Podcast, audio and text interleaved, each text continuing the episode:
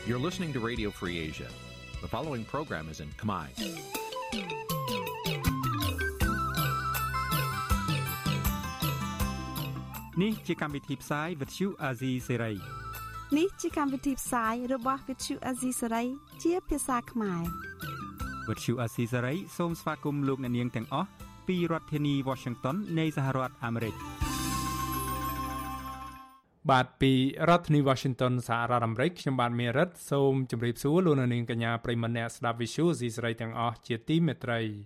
យើងខ្ញុំសូមជូនកម្មវិធីផ្សាយសម្រាប់ព្រឹកថ្ងៃច័ន្ទ12កើតខែផល្គុនឆ្នាំឆ្លូវត្រីស័កពុទ្ធសករាជ2565ដែលត្រូវនឹងថ្ងៃទី14ខែមីនាគ្រិស្តសករាជ2022បាទជាដំបូងនេះសូមអញ្ជើញលោកនាងស្ដាប់ព័ត៌មានប្រចាំថ្ងៃដែលមានមេត្តាដូចតទៅ ក្រសួងការបរទេសកម្ពុជាបដិសេធការចោទប្រកាន់ករណីបង្ខាំងជនជាតិថៃម្នាក់បូមឈាមលក់នៅខេត្តព្រះសីហនុ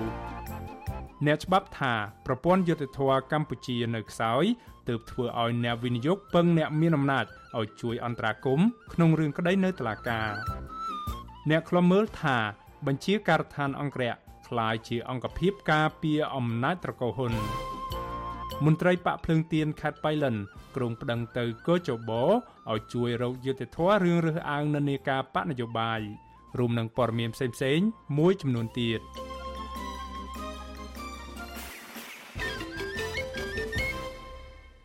បាទជាបន្តទៅទៀតនេះខ្ញុំបាទមេរិតសូមជូនព័ត៌មានទាំងនេះពិស្ដា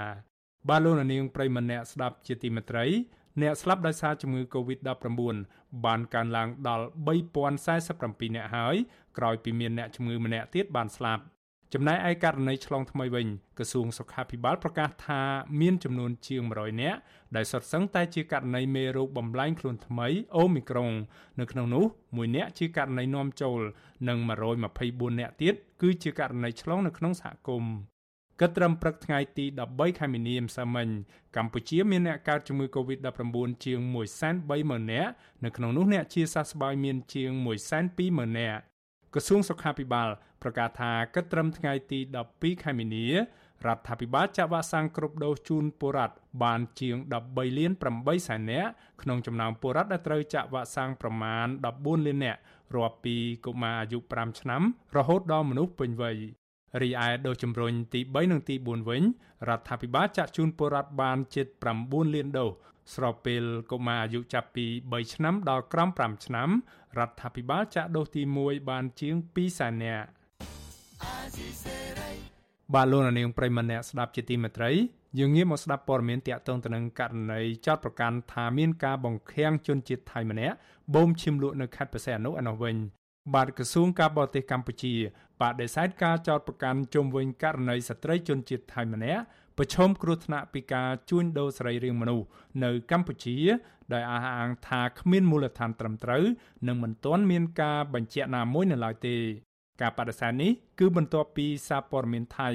បានចុះផ្សាយអំពីស្ត្រីជនជាតិថៃរូនោះត្រូវបានជនជាតិចិនមួយក្រុមបូមឈាមលក់ហើយបំរុងនឹងវះកាត់យកសរីរាង្គនៅខេត្តបរសៃអនុ មន្ត្រីអង្គការសង្គមស៊ីវិលជំរុញដល់អាជ្ញាធរកម្ពុជាឲ្យបើកការស៊ើបអង្កេតឲ្យបានហ្មត់ចត់ដើម្បីទប់ស្កាត់អំពើឧក្រិដ្ឋទាំងនោះឲ្យមានប្រសិទ្ធភាព បាទពីរដ្ឋធានី Washington លោកមួងណារ៉េតរាយការណ៍ព័ត៌មាននេះអញ្ញាធរកម្ពុជាបដិសេធការចោទប្រកាន់ជុំវិញករណីស្ត្រីជនជាតិថៃម្នាក់ដែលថាប្រឈមគ្រោះថ្នាក់អំពីការជួញដូរសរីរាង្គមនុស្សនៅកម្ពុជា អ្នកនាំពាក្យក្រសួងការបរទេសកម្ពុជាលោកជុំសុនទ្រី បានបំភ្លឺតាមប្រព័ន្ធ Telegram ថាការចុះផ្សាយរបស់សារព័ត៌មានអនឡាញរបស់ថៃឈ្មោះថា Thai Examiner កាលពីថ្ងៃទី12ខែមីនាតាក់ទងនឹងស្ត្រីជនជាតិថៃម្នាក់ដែលអះអាងថានាងបានប្រឈមនឹងគ្រោះថ្នាក់ពីការជួញដូរសរីរាង្គមនុស្សនៅកម្ពុជានោះគឺអាជ្ញាធរមានសមត្ថកិច្ចខេត្តប្រស័យអនុបានប្រកាសបដិសេធរួចទៅហើយដោយចាត់ទុកការលើកឡើងនោះថាគ្មានមូលដ្ឋានត្រឹមត្រូវពិតប្រាកដ លោកបន្តថាករណីនេះស្ថានទូតខ្មែរប្រចាំនៅប្រទេសថៃបានតាក់ទងទៅអាជ្ញាធរថៃដើម្បីស្វែងរកការបញ្ជាក់ដែរក៏ប៉ុន្តែរហូតមកដល់ថ្ងៃទី13ខែមីនាកម្ពុជាពុំទាន់ទទួលបានការបញ្ជាក់ណាមួយថាមានរឿងបែបនេះកើតឡើងនៅកម្ពុជានៅឡើយទេ កាលពីថ្ងៃទី11ខែមីនាសារព័ត៌មាន Tiger បានចុះផ្សាយដោយដកស្រង់សម្ដីរបស់ជំនួយការស្នងការនគរបាលជាតិជនជាតិថៃលោកសុរ៉ាឆាតហផាន បានបញ្ជាក់ថាស្ត្រីជនជាតិថៃម្នាក់នោះត្រូវគេលបួងទៅប្រទេសកម្ពុជា ដើម្បីធ្វើការខុសច្បាប់តាមប្រព័ន្ធទូរស័ព្ទដែលជួលដោយជនជាតិចិន តែនាងត្រូវទទួលរងការវាយដំចាប់ឃុំខ្លួននិងបង្អត់អាហារបន្ទាប់ពីបដិសេធមិនព្រមធ្វើការ ប្រពន្ធដដែលថាស្ត្រីរូបនោះត្រូវគេបញ្ជូនពីតំបន់មួយ នៅជាប់ព្រំដែនវៀតណាម ទៅកន្លែងផ្សេងទៀតដែលក្នុងបន្ទប់មានឧបករណ៍វះកាត់ច្រើនបន្ទាប់មកក្រុមក្មេងទំនើងជនជាតិចិន បានបូមឈាមនាងពី3ទៅ4កំប្លោកនិងហៀបនឹងយកនាងទៅវះកាត់ដើម្បីយកសរីរាង្គទៅហើយក៏ប៉ុន្តែនាងរត់គេចខ្លួនរួច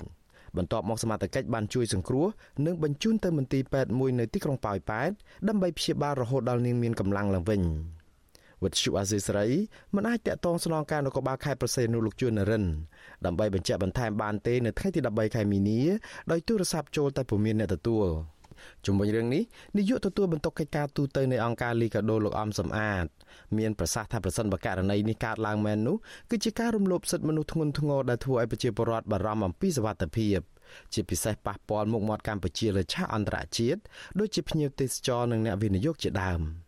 លោកសង្កេតឃើញថាអាញាធរកម្ពុជាហាក់ឆ្លើយតបដោយបដិសេធឆាប់រហ័សដោយមិនរងចាំការស្រាវជ្រាវស៊ើបអង្កេតនិងកិច្ចសហប្រតិបត្តិការជាមួយអាញាធរថៃជាមុនសិនទេលោកថាអាញាធរកម្ពុជាគួររងចាំការបញ្ជាក់ពីភាគីថៃសិនមុននឹងចេញសេចក្តីថ្លែងការណ៍បដិសេធរឿងនេះលោកស្នើថាអាញាធរមានសមត្ថកិច្ចគួរយកចិត្តទុកដាក់ចាត់វិធានការឲ្យបានតឹងរឹងលុបបំបាត់បទល្មើសព្រមទាំងស៊ើបអង្កេតឲ្យបានច្បាស់លាស់ដើម្បីបង្ហាញកិច្ចសហប្រតិបត្តិការ និងការអនុវត្តច្បាប់របស់អាជ្ញាធរឲ្យមានប្រសិទ្ធភាពដល់ប្រជាពលរដ្ឋអង្គការសង្គមស៊ីវិលជាតិនិងអន្តរជាតិនឹងទទូចឲ្យរដ្ឋាភិបាលចាត់វិធានការតឹងរឹងដើម្បីលុបបំបាត់និងទប់ស្កាត់រាល់ពលទេសភាពឬក៏បាត់ល្មើសឡាយដែលកើតចេញអំពីបរទេសទៅលើបរទេសនៅក្នុងទឹកដីប្រទេសកម្ពុជាជាពិសេសនៅតំបន់អភិវឌ្ឍន៍មិនដើម្បីលុបបំបាត់និងទប់ស្កាត់កុំឲ្យមាន ការយកទឹកដីប្រទេសកម្ពុជាប្រព្រឹត្តបទល្មើស ករណីស្ត្រីជនជាតិថៃនេះគឺជាករណីទី2ទៅហើយ កាលពីថ្មីថ្មីនេះក៏មានជនបរទេសម្នាក់ទៀតគឺជនជាតិចិនឈ្មោះលីអាយុ30ឆ្នាំបានអះអាងថាលោកត្រូវបានគេបោកបញ្ឆោតឲ្យបូមឈាមរបស់លោកជាច្រើនដងនៅកម្ពុជាចាប់តាំងពីខែសីហាឆ្នាំ2021លោកបន្តថាគេបានវាយដំលោកជាច្រើនដង នៅអគារមួយដែលលោកស្គាល់ឈ្មោះថាចិនស៊ីដាប់និងកៃបូនៅក្នុងបរិវេណ China Town ក្បែរឆ្នេរអូត្រេស នៅឯក្រុងប្រស័យអនុនិងនៅខេត្តកោះកុងលោកលីបញ្ជាក់ថាលោកត្រូវបានគេបូមឈាមនៅក្នុងបរិមាណដ៏ច្រើនរហូតដល់លោកមានបញ្ហាសុខភាពធ្ងន់ធ្ងរនៅក្នុងអំឡុងពេលនោះក៏ប៉ុន្តែករណីនេះក៏ត្រូវបានអាជ្ញាធរកម្ពុជាបដិសេធដែរកាលពីថ្ងៃទី10ខែមីនាក្រុមអង្គការសង្គមស៊ីវិលជាតិនិងអន្តរជាតិបានចេញសេចក្តីថ្លែងការណ៍រួមគ្នាមួយដោយពួកគេព្រួយបារម្ភជាខ្លាំងចំពោះការកើនឡើងនៃការជួញដូរមនុស្សការចាប់បង្ខំឲ្យធ្វើពលកម្មអំពើទាសភាព និងទរណកម្មនៅតាមបរិវេណអគារនានានៅកម្ពុជាក្រុមអង្គការនៅក្នុងស្រុកនិងអន្តរជាតិបានចងក្រងការរាយការណ៍តាមប្រព័ន្ធផ្សព្វផ្សាយនិងកណនីបណ្ដាញសង្គម Facebook របស់ជនរងគ្រោះរកឃើញថាមានមនុស្សរាប់ពាន់នាក់ដែលភ ieck ច្រើនជាជនបរទេសបានទទួលរងគ្រោះពីការរំលោភសិទ្ធិមនុស្សយ៉ាងធ្ងន់ធ្ងរទាំងនេះពួកគេក៏បានបញ្ជាក់ថាការរំលោភបំពានពាក់ព័ន្ធនឹងជនបរទេសដែលត្រូវបានចាប់ជំរិតលក់ ជួញដូរឬត្រូវបោកបញ្ឆោតឲ្យទទួលការងារនៅក្នុងខេត្តមួយចំនួន រួមមានខេត្តប្រស័យអនុភ្នំពេញពោធិ៍សាត់និងខេត្តកោះកុងជាដើមបន្ទាប់មកពួកគេត្រូវបានឃុំខ្លួនក្នុងបរិវេណអគារធំធំនិងត្រូវបង្ខំឲ្យធ្វើការលើសម៉ោងគ្មានពេលសម្រាកជាដើមជនរងគ្រោះដែលបានរត់គេចខ្លួនរួចបានរាយការណ៍ថាពួកគេរងការធ្វើបាបទាំងរាងកាយផ្លូវចិត្តនិងរងអំពើហិង្សាពីសំណាក់ក្រុមដែលបង្ខាំងពួកគេ ខ្ញុំបាទមុងណារ៉េត With you Azisaray ប្រធានាទី Washington បាទលោកនាងប្រិមម្នាក់ស្ដាប់ជាទីមេត្រីដំណើរគ្នានឹងការស្ដាប់កម្មវិធីផ្សាយរបស់ Visual C ស្រីតាមបណ្ដាញសង្គម Facebook និង YouTube លោកនាងក៏អាចស្ដាប់កម្មវិធីផ្សាយរបស់ Visual C ស្រីតាមរលកធារកាសខ្លីឬ Shortwave តាមកម្រិតនិងកម្ពស់ដូចតទៅនេះពេលព្រឹកចាប់ពីម៉ោង5កន្លះដល់ម៉ោង6កន្លះ តាមរយៈរលកធារកាសខ្លី9390 kHz ស្មើនឹងកម្ពស់ 32m និង11850 kHz ស្មើនឹងកម្ពស់ 25m ពេលយប់ចាប់ពីម៉ោង7កន្លះដល់ម៉ោង8កន្លះតាមរយៈរលកធារកាសខ្លី9390 kHz ស្មើនឹងកម្ពស់ 32m និង15155 kHz ស្មើនឹងកម្ពស់ 20m បាទសូមអរគុណ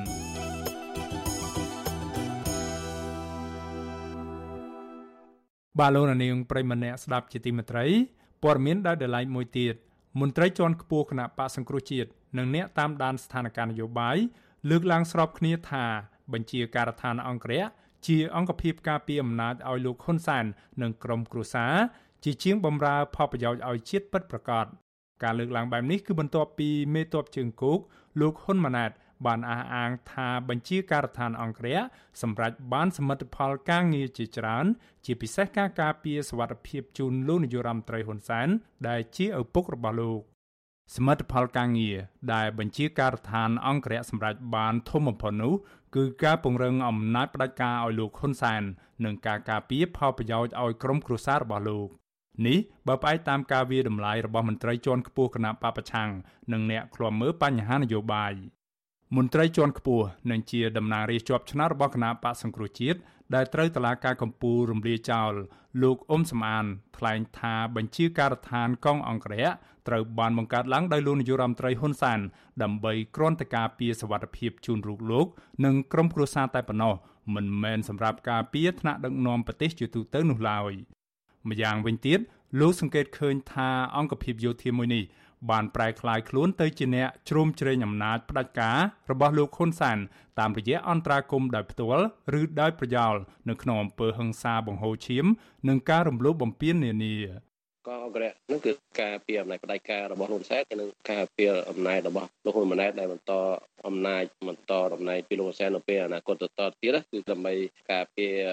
ក្រុមគូសាតកូលហ៊ុនតែប៉ុណ្ណេះឯងមិនមែនដើម្បីការពីផលប្រយោជន៍ជាតិការពីផលប្រយោជន៍ប្រជាពលរដ្ឋប្រទេសជាតិអីនោះទេប្រតិកម្មរបស់មន្ត្រីជាន់ខ្ពស់គណៈបពប្រឆាំងរូបនេះកើតមានឡើងក្រោយពីកូនប្រុសច្បងរបស់លោកហ៊ុនសែនគឺលោកហ៊ុនម៉ាណែតដែលជាមេបញ្ជាការកងទ័ពជើងគោក បានលើកឡើងថាបញ្ជាការដ្ឋានអង្គរៈសម្រាប់បានស្នាដៃនិងសមិទ្ធផលជាច្រើនក្នុងរយៈពេល30ឆ្នាំកន្លងទៅនេះលោករៀបរាប់ថាសមិទ្ធផលទាំងនោះមានជាអាចដូចជាការពង្រឹងសមត្ថភាពរហូតក្លាយទៅជាអង្គភាពឆ្នើមការចោះជួយដោះស្រាយការលំបាករបស់ពលរដ្ឋនៅតាមមូលដ្ឋាន និងការការពារជាតិសាសនាព្រះមហាក្សត្រជាពិសេសលោកហ៊ុនម៉ាណែតអះអាងថាបញ្ជាការដ្ឋានអង្គរៈសម្រាប់បាននៅភារកិច្ចចម្បងបំផុតនោះ គឺការពារសន្តិសុខសวัสดิភាពជូនដល់ប្រមុខរដ្ឋាភិបាលនិងភរិយាព្រមទាំងក្រុមគ្រួសារឬនិយាយដោយសាមញ្ញថាការពារឪពុកម្ដាយនិងក្រុមគ្រួសាររបស់លោកទីយាតស្នងតំណែងពីលោកហ៊ុនសែនរូបនេះថ្លែងទៀតថាទិសដៅនៃពេលខាងមុខទៀតសម្រាប់កងទ័ពគឺស្មោះត្រង់ចំពោះជាតិសាសនាព្រះមហាក្សត្រព្រមទាំងការពាររដ្ឋធម្មនុញ្ញរដ្ឋាភិបាលនិងនាយករដ្ឋមន្ត្រី លោកហ៊ុនម៉ាណែតថ្លែងសារទាំងនេះនៅក្នុងពិធីខួបអនុស្សាវរីយ៍30ឆ្នាំនៃបេសកកម្មជាប្រវត្តិសាស្ត្ររបស់វរៈសេនាតូចលេខ246អតីតយោធាក្រុងភ្នំពេញ ដែលបច្ចុប្បន្នក្លាយទៅជាបញ្ជាការដ្ឋានអង្គរៈកាលពីថ្ងៃទី12ខែមីនានឹងត្រូវបានស្រង់សម្ដីយកមកចុះផ្សាយដោយប្រព័ន្ធឃោសនាក្នុងស្រុក Visual C ស្រីមិនអាចតាក់ទងមេបញ្ជាការកងអង្គរៈលោកហ៊ីងប៊ុនហៀងនិងអ្នកនាំពាក្យក្រសួងការពារជាតិ លោកឈុំសុជាតិដើម្បីសាកសួររឿងនេះបានទេ នៅថ្ងៃទី13ខែមីនា ដោយទូរស័ព្ទចូលតែពុំមានអ្នកទទួលជុំវិញរឿងនេះអគ្គលេខាធិការសហព័ន្ធនិស្សិតបញ្ញវន្តកម្ពុជា លោកគៀនពន្លកសង្កេតឃើញថាជាច្រើនឆ្នាំមកនេះបញ្ជាការដ្ឋានអង្គរៈការពីផលប្រយោជន៍ឲ្យលោកនាយរដ្ឋមន្ត្រីហ៊ុនសែននិងក្រុមគ្រួសារច្រើនជាងការពីផលប្រយោជន៍របស់ជាតិនិងប្រជាពលរដ្ឋ លោកបន្តថាសាររបស់លោកហ៊ុនម៉ាណែតនេះហាក់បង្ហាញឲ្យឃើញកាន់តែច្បាស់ថា បញ្ជាការដ្ឋានអង្គរៈគឺជាកម្មសិទ្ធិផ្ដាច់មុខនិងជាអ្នកការពារអំណាចឲ្យក្រុមគ្រួសារលោកហ៊ុនសែន នេះគឺជាបញ្ហាមួយដែលប្រជាពលរដ្ឋខ្មែរគួរតែពិចារណាហើយគួរតែមើលឃើញនៅភាពមិនប្រក្រតីទាំងអស់នេះអំពីកងអង្គរៈដែលការពារតែនាយករដ្ឋមន្ត្រីហើយនិងក្រុមគ្រួសារដើម្បីពង្រឹងអំណាចរបស់ខ្លួនហើយគួរតែដល់ពេលហើយដែលប្រជាពលរដ្ឋត្រូវតែសម្លឹងមើលថាប្រទេសកម្ពុជាមួយនេះគឺត្រូវការលទ្ធិប្រជាធិបតេយ្យជាចាំបាច់បញ្ជាការដ្ឋានអង្គរៈ ត្រូវបានបង្កើតឡើងកាលពីថ្ងៃទី4ខែកញ្ញាឆ្នាំ2009ហើយបែងចែកជាច្រើនផ្នែកនិងជាកងឯកភាពផ្សេងផ្សេងនៅក្នុងនោះរួមមានផ្នែកអន្តរាគមផ្នែកប្រយុទ្ធសង្គ្រោះពេទ្យសិល្បៈនិងកសិកម្មជាដើមអង្គភាពនេះកើតចេញពីកងវរៈសេនាតូចលេខ246អតីតយោធាក្រុងភ្នំពេញ ដែលជាកងពលបង្កើតឡើងដោយលោកហ៊ុនសែននៅក្នុងសម័យរដ្ឋកម្ពុជា ឆ្នាំ1990 កងកម្លាំងនៃបញ្ជាការដ្ឋានអង្គរៈលោកហ៊ុនសែននេះមានបំពាក់អាវុធធុនធ្ងន់និងទំនើបទំនើបស្មើនឹងកងយោធពលខេមរៈភូមិន្ទថ្នាក់ជាតិដែរក្នុងនោះរួមមានយន្តហោះរថក្រោះរថពាសដាច់មិនតិចជា100គ្រឿងនិងកាំជ្រួចហ្វូង BM21 ព្រមទាំងកំភ្លើងគ្រប់ធុនក្រោមការឧបត្ថម្ភរបស់ប្រទេសចិនកុម្មុយនីសដែលជាបងឯករបស់លោកហ៊ុនសានទោះជាយ៉ាងណា អង្គភាពមួយនេះត្រូវបានគេរកឃើញថាមានជាប់ពាក់ព័ន្ធដោយផ្ទាល់នឹងអំពើឧក្រិដ្ឋនិងការរំលោភបំពានធ្ងន់ធ្ងរជាច្រើន ដែលក្នុងនោះរួមមានដូចជាករណីគប់គ្រាប់បែកសម្រាប់ហ្វូងបាតកោដោយអហិង្សានិងអំពើរដ្ឋប្រហារបង្ហូរឈាមសម្រាប់ជីវិតជនស៊ីវិលនិងកងកម្លាំងរបស់គណៈបកហ្វុនស៊ិនប៉ិចរាប់រយនាក់កាលពីឆ្នាំ1997ការវាយទាត់ធាក់យ៉ាងដំណំលើតំណាងរាជគណៈបកសង្គ្រោះជាតិកាលពីឆ្នាំ2015 អំពើច្បាមយកដីធ្លីនិងការកាងការពីអាជីវកម្មខុសច្បាប់របស់ក្រុមហ៊ុនចិននៅកម្ពុជាជាដើមដោយសារតែអំពើរំលោភសិទ្ធិមនុស្សធ្ងន់ធ្ងរទាំងនេះសហរដ្ឋអាមេរិកបានប្រកាសដាក់ទណ្ឌកម្មបង្កកទ្រព្យសម្បត្តិមេកងអង្គរៈលោកហ៊ុនសាន គឺលោកហ៊ីងប៊ុនហៀងកាលពីឆ្នាំ2018ថ្មីថ្មីនេះទៀតសោតតឡាការក្រុងប៉ារីនៃប្រទេសបារាំង ក៏បានចេញដីកាតាមចាប់ខ្លួនលោកហ៊ីងប៊ុនហៀងនិងគូកនម្នាក់ទៀតគឺលោកហ៊ុយពិសិដ្ឋអតីតមេបញ្ជាការកងអង្គរៈពីបទប៉ុនប៉ងសម្លាប់មនុស្សតាក់ទងនឹងការគប់គ្រាប់បែកលើហ្វូងប៉ាតកោកាលពីខែមីនាឆ្នាំ1997ដែលបណ្ដាលឲ្យស្លាប់មនុស្សយ៉ាងហោចណាស់16នាក់និងជាង100នាក់ទៀតរងរបួសរបាយការណ៍នានាឲ្យដឹងថា លោកហ៊ុនសែនមានអង្គរៈនិងក្រុមទ័ពស្រួចឯកជនមិនតិចជាង3000នាក់ឡើយនៅទីបញ្ជាការដ្ឋានអង្គរៈរបស់លោកជានិច្ចកាលពួកមេដឹកនាំនិងមន្ត្រីក្រាក់ក្រាក់នៃបញ្ជាការដ្ឋានអង្គរៈតែងតែប្រកាសអំពីការបដិញ្ញាចិត្តនិងត្រៀមខ្លួនទុកជាស្រេចដើម្បីចេញប្រតិបត្តិការស្ម័គ្រស្លាប់ការពារលោកហ៊ុនសែននិងក្រុមគ្រួសារគ្រប់កលៈទេសៈទាំងអស់មិនត្រឹមតែប៉ុណ្ណោះពួកគេប្រកាសទៀតថានឹងគាំទ្របេក្ខភាពរបស់លោកហ៊ុនសែន ជានាយករដ្ឋមន្ត្រីគ្រប់អាណត្តិដែលនេះគឺជាការអនុវត្តផ្ទុយទៅនឹងច្បាប់ច្បាប់ស្តីពីលក្ខន្តិកៈទូទៅចំពោះយោធិននៃកងយោធពលខេមរៈភូមិន្ទចែងថាយោធិនត្រូវមានអព្យាក្រឹតភាពនៅក្នុងមុខនេតិនៅក្នុងសកម្មភាពការងារនិងហាមឃាត់ការប្រើប្រាស់មុខងារនិងសម្ភារៈរបស់រដ្ឋដើម្បីបម្រើសកម្មភាពនយោបាយណាមួយ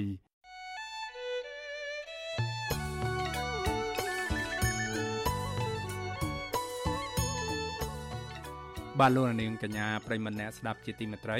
នៅក្នុងឱកាសនេះដែរខ្ញុំបាទសូមថ្លែងអំណរគុណដល់លោកនាងកញ្ញាទាំងអស់ដែលតែងតែមានភក្ដីភាពចំពោះការផ្សាយរបស់យើងខ្ញុំហើយចាត់ទុកការស្ដាប់ Visual Asia សេរីគឺជាផ្នែកមួយនៃសកម្មភាពប្រចាំថ្ងៃរបស់លោកនាងការគ្រប់គ្រងរបស់លោកនាងនេះហើយដែលធ្វើឲ្យយើងខ្ញុំមានទឹកចិត្តកាន់តែខ្លាំងថែមទៀតនៅក្នុងការស្វែងរកនិងផ្តល់ព័ត៌មានពិតជូនលោកនាង មានអ្នកស្ដាប់និងអ្នកទស្សនាកាន់តែច្រើន កាន់តែធ្វើយើងខ្ញុំមានភាពស្វាហាប់និងមោះមុតជាបន្តទៅទៀត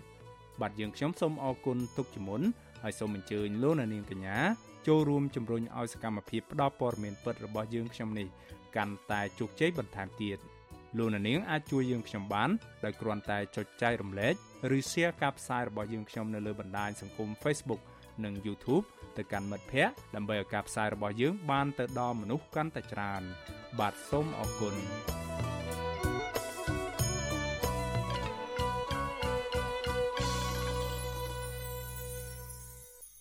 បាទលោកនាងប្រិមម្នាក់ស្ដាប់ជាទីមេត្រីលោកនាងកំពុងស្ដាប់កម្មវិធីផ្សាយរបស់ Visual C សេរីផ្សាយចេញពីរដ្ឋធានី Washington សហរដ្ឋអាមេរិកបាទតកតងទៅនឹងការបន្តការបង្ក្រាបកាន់តែធ្ងន់ធ្ងរលើក្រុមកោតក្រក្រុមហ៊ុន Casino Naga World វិញម្ដង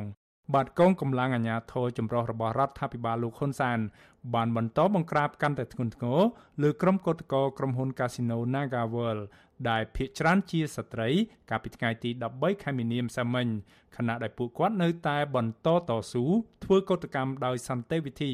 ទាមទាររកដំណោះស្រាយពីថកែក្រុមហ៊ុនអាញាធរបានប្រើប្រាស់អំពើហិង្សាដោយរុញច្រានអូសែងចាប់បោកស្ត្រីទៅនឹងខ្នល់និងស្រែកសម្លុតកោតកោឲ្យឡើងរថយន្តក្រុង ដើម្បីដឹកយកទៅឃុំនៅមណ្ឌលចតាឡៃស័កដោយលើកមុនមុនបាទលោកជីវតារីកាព័រមីនី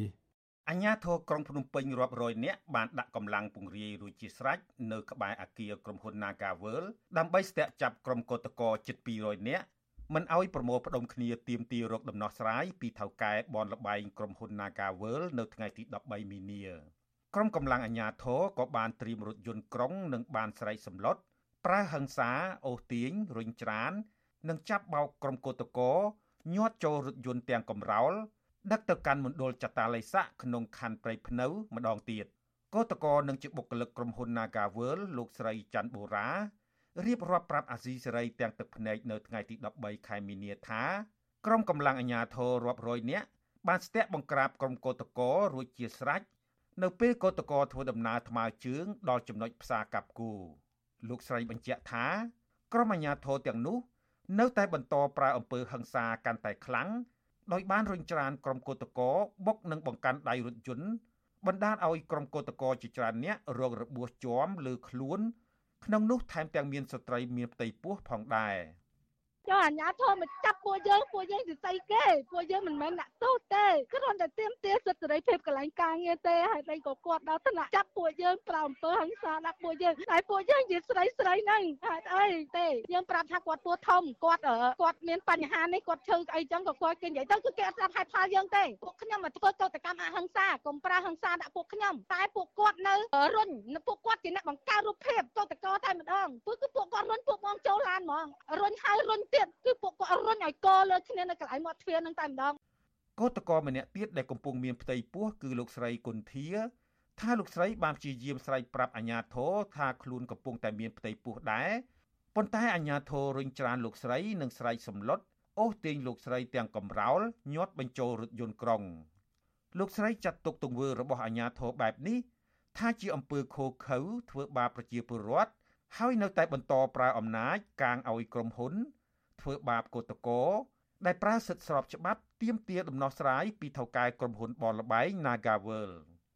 ខ្ញុំប្រាប់គាត់ហើយហើយថាបងខ្ញុំទងន់បើច្រានខ្ញុំឯងខ្ញុំដើរទៅខ្លួនឯងប៉ុន្តែគាត់ដៃគាត់ហ្នឹងនៅតែជ្រុញខ្ញុំតែគាត់ថាគាត់ជ្រុញហើយយើងរៀងមកចំហអីដែរប៉ុន្តែរៀងគាត់ហ៊ុនខ្លាំងជាងហ្នឹងអាចនឹងប៉ះពាល់ដែរបងអើយនិយាយទៅខ្ញុំអស់និយាយហ្មងលក្ខណៈថាចេះបើខ្ញុំអត់បានប្រាប់គាត់ខ្ញុំអត់ខែនេះខ្ញុំប្រាប់គាត់ហើយតែគាត់នៅតែប្រាប់នៅតែហ៊ុននៅតែច្រានខ្ញុំអញ្ចឹងលក្ខណៈគាត់ដូចអត់យល់ពីស្ត្រីមានផ្ទៃពោះហ្មងប៉ុន្តែវារៀងស្គៀបស្គៀបពោះតិចតិចទេបងអត់អីទេគាត់ថាអើយប្រហែលជាទៅវិញអាចនឹងតែអេកូមើល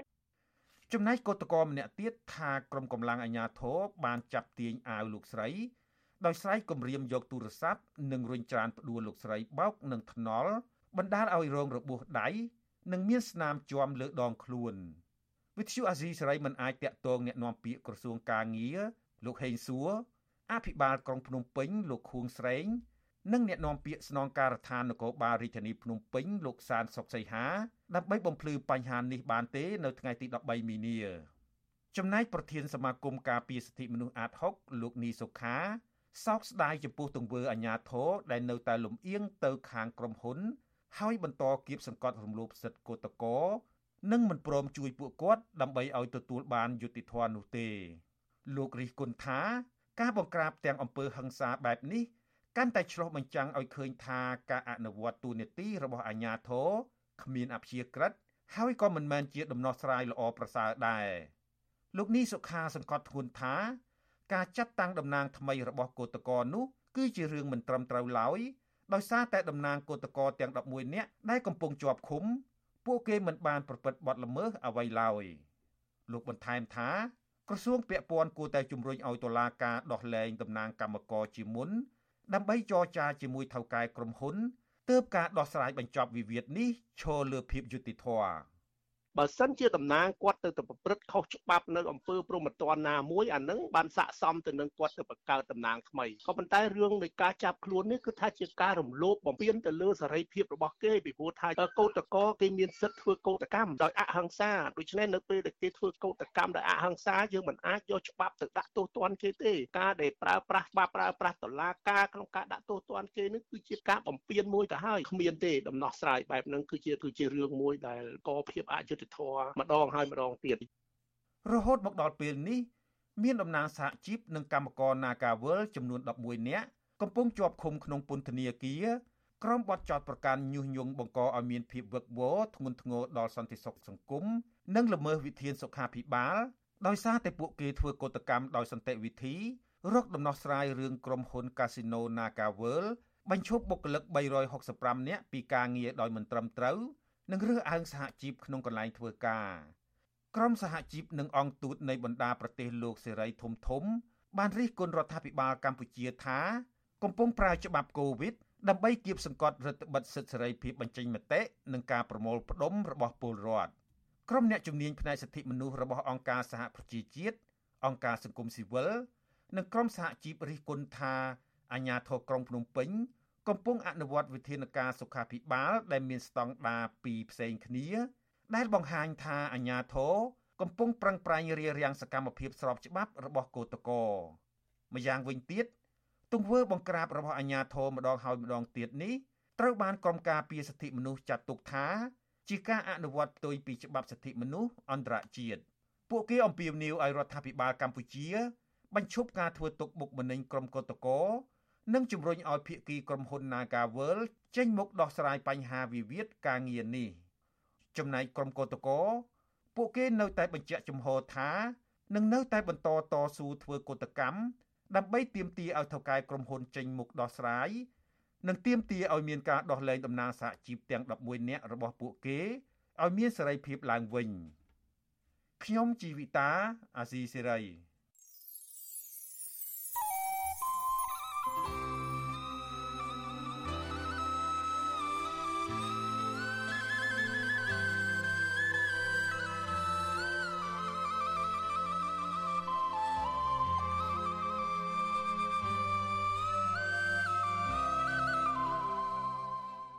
បាទលោកនាងប្រិមម្នាក់ស្ដាប់ជាទីមេត្រីអ្នកច្បាប់និងមន្ត្រីសង្គមស៊ីវិលថាប្រព័ន្ធយុត្តិធម៌កម្ពុជា នៅ មានភាពទន់ខ្សោយនិងមិនទាន់ជាទីទុកចិត្តនៅឡើយទេទើបធ្វើឲ្យអ្នកវិនិយោគពឹងអ្នកមានអំណាចឲ្យជួយអន្តរាគមន៍ពេលមានវិវាទពាណិជ្ជកម្មដែលឡើងដល់តុលាការពួកគាត់យល់ថាស្ថានភាពបែបនេះមិនអំណោយផលល្អសម្រាប់ការតាក់ទាញវិនិយោគិននោះទេបាទតើពួកគាត់មានសំណុំពរអ្វីខ្លះដើម្បីកែលម្អបញ្ហានេះ បាទសូមអញ្ជើញលោកនាងរងចាំស្ដាប់សេចក្តីរាយការណ៍ពិស្ដារជុំវិញរឿងនេះនាពេលបន្តិចទៀតនេះបាទលោកនាងប្រិមម្នាក់ស្ដាប់ជាទីមេត្រីព័ត៌មានតកតងទៅនឹងការរដ្ឋបတ်សកម្មភាពធ្វើនយោបាយនៅមុនការបោះឆ្នោតឃុំសង្កាត់វិញម្ដងបានមន្ត្រីគណៈបកភ្លើងទៀនខេត្តបៃលិនក្រុងប្តឹងគណៈកម្មការរៀបចំការបោះឆ្នោតខេត្តនេះទៅកោចបដើម្បីឲ្យបញ្ឈប់ការរើសអើងនិន្នាការបកនយោបាយបន្តទៀត ប្រតិកម្មរបស់គណៈបកភ្លើងទៀននេះធ្វើឡើងក្រោយពីគណៈកម្មការរៀបចំការបោះឆ្នោតខេត្តបៃលិនហៅកាត់ថាពេជ្រមិនបានដោះស្រាយបណ្ដឹងទៅតាមការស្នើសុំរបស់គណៈបកនេះទេ បាទលោកសនចានរដ្ឋារាយការណ៍ព័ត៌មាននេះមន្ត្រីគណៈបកភ្លើងទៀនរិះគន់ការដោះស្រាយបណ្ដឹងរបស់គណៈកម្មការរៀបចំការបោះឆ្នោតខេត្តនេះថាជាការអនុវត្តទូនីតិលំអៀងទៅរកគណៈបកកណ្ដាលអំណាចប្រធានស្ដីទីគណៈបកភ្លើងទៀនខេត្តបៃលិនលោកខឹមមនីកុសលបានប្រាប់វិទ្យុអេស៊ីសេរីថាលោកមិនអាចទទួលយកបានទេ ចំពោះការដោះស្រាយរបស់គណៈកម្មការរៀបចំការបោះឆ្នោតខេត្តបេលិនឬហៅកាត់ថាពេជ្របាននោះទេដោយសារមិនបានរយុទ្ធធរតាមផ្លូវច្បាប់បោះឆ្នោតទេលោកបញ្ជាក់ថាគណៈបកភ្លើងទីរបស់លោកបានប្តឹងទៅពេជ្រខេត្តនេះឲ្យជួយរយុទ្ធធរដែលគណៈកម្មការរៀបចំការបោះឆ្នោតឃុំស្ទឹងកាច់ស្រុកសាឡាក្រៅបានរៀបរៀងនឹងបង្កការលំបាកដល់បេក្ខជនឈ្មោះឈ្មោះបោះឆ្នោតក្រុមប្រសាឃុំស្ទឹងកាច់ចំនួន7នាក់កាលពីពេលថ្មីថ្មីនេះលោកបន្តថាគណៈកម្មការរៀបចំការបោះឆ្នោតឃុំបានបង្កការលំបាកជាច្រើនក្នុងពេលចុះឈ្មោះ ដូចជាការចាប់កំហុសពីការសរសេរប្រវត្តិរូបរបស់បេក្ខជន និងការសរសេរទឹកបិចខុសគ្នាជាដើមលោកយល់ថាទង្វើបែបនេះជាការអនុវត្តលំអៀងទៅគណៈបកកណ្ដាលអំណាចដោយរារាំងដល់សកម្មជនរបស់លោកដូច្នេះលោកនឹងប្តឹងបញ្ហានេះទៅគូចបននៅថ្ងៃទី14ខែមីនាដើម្បីឲ្យបិចខេត្តនេះអនុវត្តទូនីតិឲ្យបានស្មើភាពគ្នាគ្រប់និន្នាការគណៈបកនយោបាយ។ វាជាការរើសអើងគណៈបកនយោបាយហ្នឹងឯងពីពួកគណៈបកផ្សេងយកទៅដាក់ដូចជារលូនគណៈបកភ្លើងទៀនយកទៅដាក់ខុសនេះខុសនោះតាំងពីក្បាលទីដំបូងប៉ុន្តែយើងចេះតែសម្រួលបកស្រាយតាមផ្លូវច្បាប់ទៅគេ ទទួលយកអស់ទៅប៉ុន្តែជជែកគ្នាតឹងសរសៃកដែរហ្នឹងខ្ញុំចង់ឲ្យបាច់ហ្នឹងគាត់ប្រមានឬក៏អីទៅដល់សិចហ្នឹងកុំឲ្យចេះតែទៀមទាឲ្យគេកែនោះកែនេះដោយមិនសមហេតុផលអញ្ចឹងវាជាទម្លាប់ហើយអញ្ចឹងយើងគណៈបកនយោបាយតូចតាចងាយរងគ្រោះណាបើគាត់ថាខុសបន្តិចគាត់មិនយកយើងត្រូវបាត់បេក្ខភាពយើងមួយឃុំប្រតិកម្មរបស់គណៈបកភ្លើនទៀននេះធ្វើឡើងក្រោយពីប្រធានស្ដីទីពេជ្រខេត្តបៃលិនលោកគង្ជីបានជាលិខិតជូនដំណឹង តបទៅនឹងគណៈបកភ្លើនទៀននៅថ្ងៃទី12ខែមីនាថាបានចុះស្រាវជ្រាវតាមម្ដងរបស់គណៈបកនេះរួចហើយដោយពិនិត្យឃើញថាគណៈកម្មការបោះឆ្នោតឃុំស្ទឹងកាច់ពុំបានរារាំងនិងអនុវត្តខុសច្បាប់ដោយការលើកឡើងរបស់គណៈបកភ្លើនទៀននោះទេដូច្នេះពេជ្រខេត្តនេះមិនយកបណ្ដឹងនេះមកដោះស្រាយនោះទេវិទ្យុអស៊ីសេរីមិនតាន់អាចតតងប្រធានស្ដីទីពេជ្រខេត្តបលិនលោកកុងជីដើម្បីសូមអធិប្បាយបន្ថែមជុំវិញការបដិងទៅគោចបរបស់គណៈបកភ្លើនទៀននេះបានទេ នៅថ្ងៃទី13ខែមីនាជុំវិញរឿងនេះ មន្ត្រីសម្របសម្រួលសមាគមអាត6ខេត្តបលិនលោកយឿនមីលីសង្កេតឃើញថាការអនុវត្តទូនីតិរបស់មន្ត្រីរៀបចំការបោះឆ្នោតឃុំសង្កាត់នៅខេត្តបលិនភិជាច្រើនលំអៀងទៅគណៈបកកណ្ដាលអំណាចដែលបង្កការលំបាកផ្សេងៗដល់គណៈបកដៃគូប្រគល់ប្រជែងជាមួយគណៈបកនេះលោកចាត់ទូទង្វើបែបនេះថាជាការអនុវត្តខុសច្បាប់បោះឆ្នោតខ្ញុំចង់ឲ្យ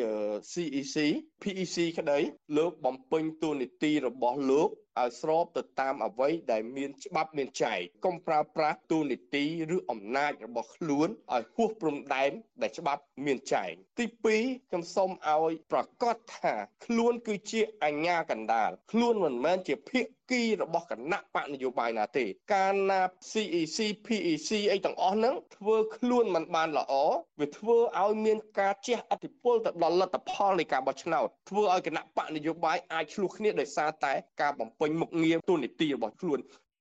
ដោយឡែកនៅខេត្តពោធិ៍សាត់ឯនេះវិញអញ្ញាធិបាលបញ្ជូនសកម្មជនគណបកភ្លើងទៀនម្នាក់ឈ្មោះអុកសៅវរិនទៅឃុំខ្លួននៅពន្ធនាគារខេត្តកាលពីរសៀលថ្ងៃទី11ខែមីនាដោយចាប់ប្រកាន់ពីបទក្លែងបន្លំឯកសារនិងប្រើប្រាស់ឯកសារចុះឈ្មោះបេក្ខជនឈួឈ្មោះបោះឆ្នោតក្រុមប្រឹក្សាឃុំសង្កាត់ក៏ប៉ុន្តែអនុប្រធានស្ដីទីក្រុមការងារគណបកភ្លើងទៀនខេត្តពោធិ៍សាត់លោកឈុនប៊ុនខៀងចាត់ទុកការចាប់ប្រកាន់នេះថាជាការធ្វើទុកបុកម្នេញផ្នែកនយោបាយដោយសារលោកអុកសាវរិន មិនបានប្រព្រឹត្តខុសច្បាប់ដោយការចោទនោះទេរឿងរឿងតែមួយគឺរឿងរឿងដែលខ្ញុំដឹងគឺរឿងដាក់បេក្ខជនបើសិនជាធ្វើយ៉ាងណាឲ្យបេក្ខជនគណៈបករឿងទៀនហ្នឹងมันអាចធ្វើទៅកើតអានឹងជាជ័យជំនះមួយរបស់គណៈបកប្រជាជនមកទល់ពេលនេះបេក្ខជនរបស់គណៈបកភ្លើងទៀននៅខេត្តពោធិ៍សាត់ពីររូបហើយដែលត្រូវអាជ្ញាធរខេត្តនេះឃុំខ្លួនក្នុងពន្ធនាគារ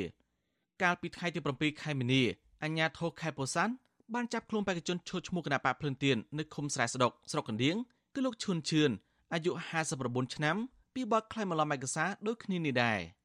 លោកត្រូវបានបញ្ជូនទៅឃុំខ្លួននៅក្នុងពន្ធនាគារខេត្តពោធិ៍សាត់កាលពីថ្ងៃទី9ខែមីនាការបោះឆ្នោតឃុំសង្កាត់អាណត្តិទី5នេះនឹងប្រព្រឹត្តទៅនៅថ្ងៃទី5ខែមិថុនាឆ្នាំនេះស្របពេលដែលការបោះឆ្នោតកាន់តែខិតជិតចូលមកដល់គណៈបកភ្លើងទៀនស្ទើរគ្រប់ខេត្តត្រូវបានអាជ្ញាធរគណៈបកកណ្ដាលអំណាចរារាំងនិងគម្រាមកំហែង មន្ត្រីសង្គមស៊ីវិលយល់ថាប្រសិនបើបរិយាកាសនៅតែអាប់អួរបែបនេះនឹងធ្វើដំណើរការបោះឆ្នោតឃុំសង្កាត់ឆ្នាំ2022នេះ